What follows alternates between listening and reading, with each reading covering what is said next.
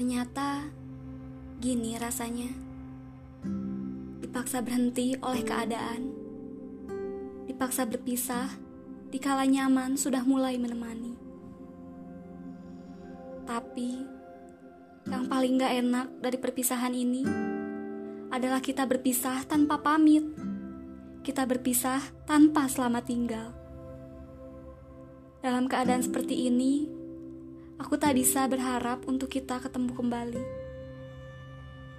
Mengetahui kabarmu melalui sosial media saja, aku sudah sangat bersyukur.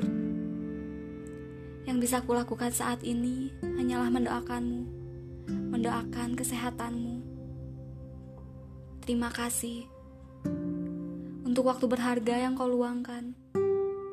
Terima kasih untuk ilmu yang dengan sabar kau ajarkan. Terima kasih telah berbagi segala kenangan manis yang tak akan aku lupakan. Kau yang sangat kuhormati, kau yang kusayangi, kau yang sangat kubanggakan. Jaga kesehatanmu ya, di mana pun kau berada. Sebanyak apa pun orang baru yang kau temui, jangan lupakan aku ya. Dari perpisahan ini aku belajar. Belajar tentang menghargai waktu dan pertemuan. Baru ku sadari waktu itu berharga, lebih dari apa pun. Karena waktu takkan bisa aku beli.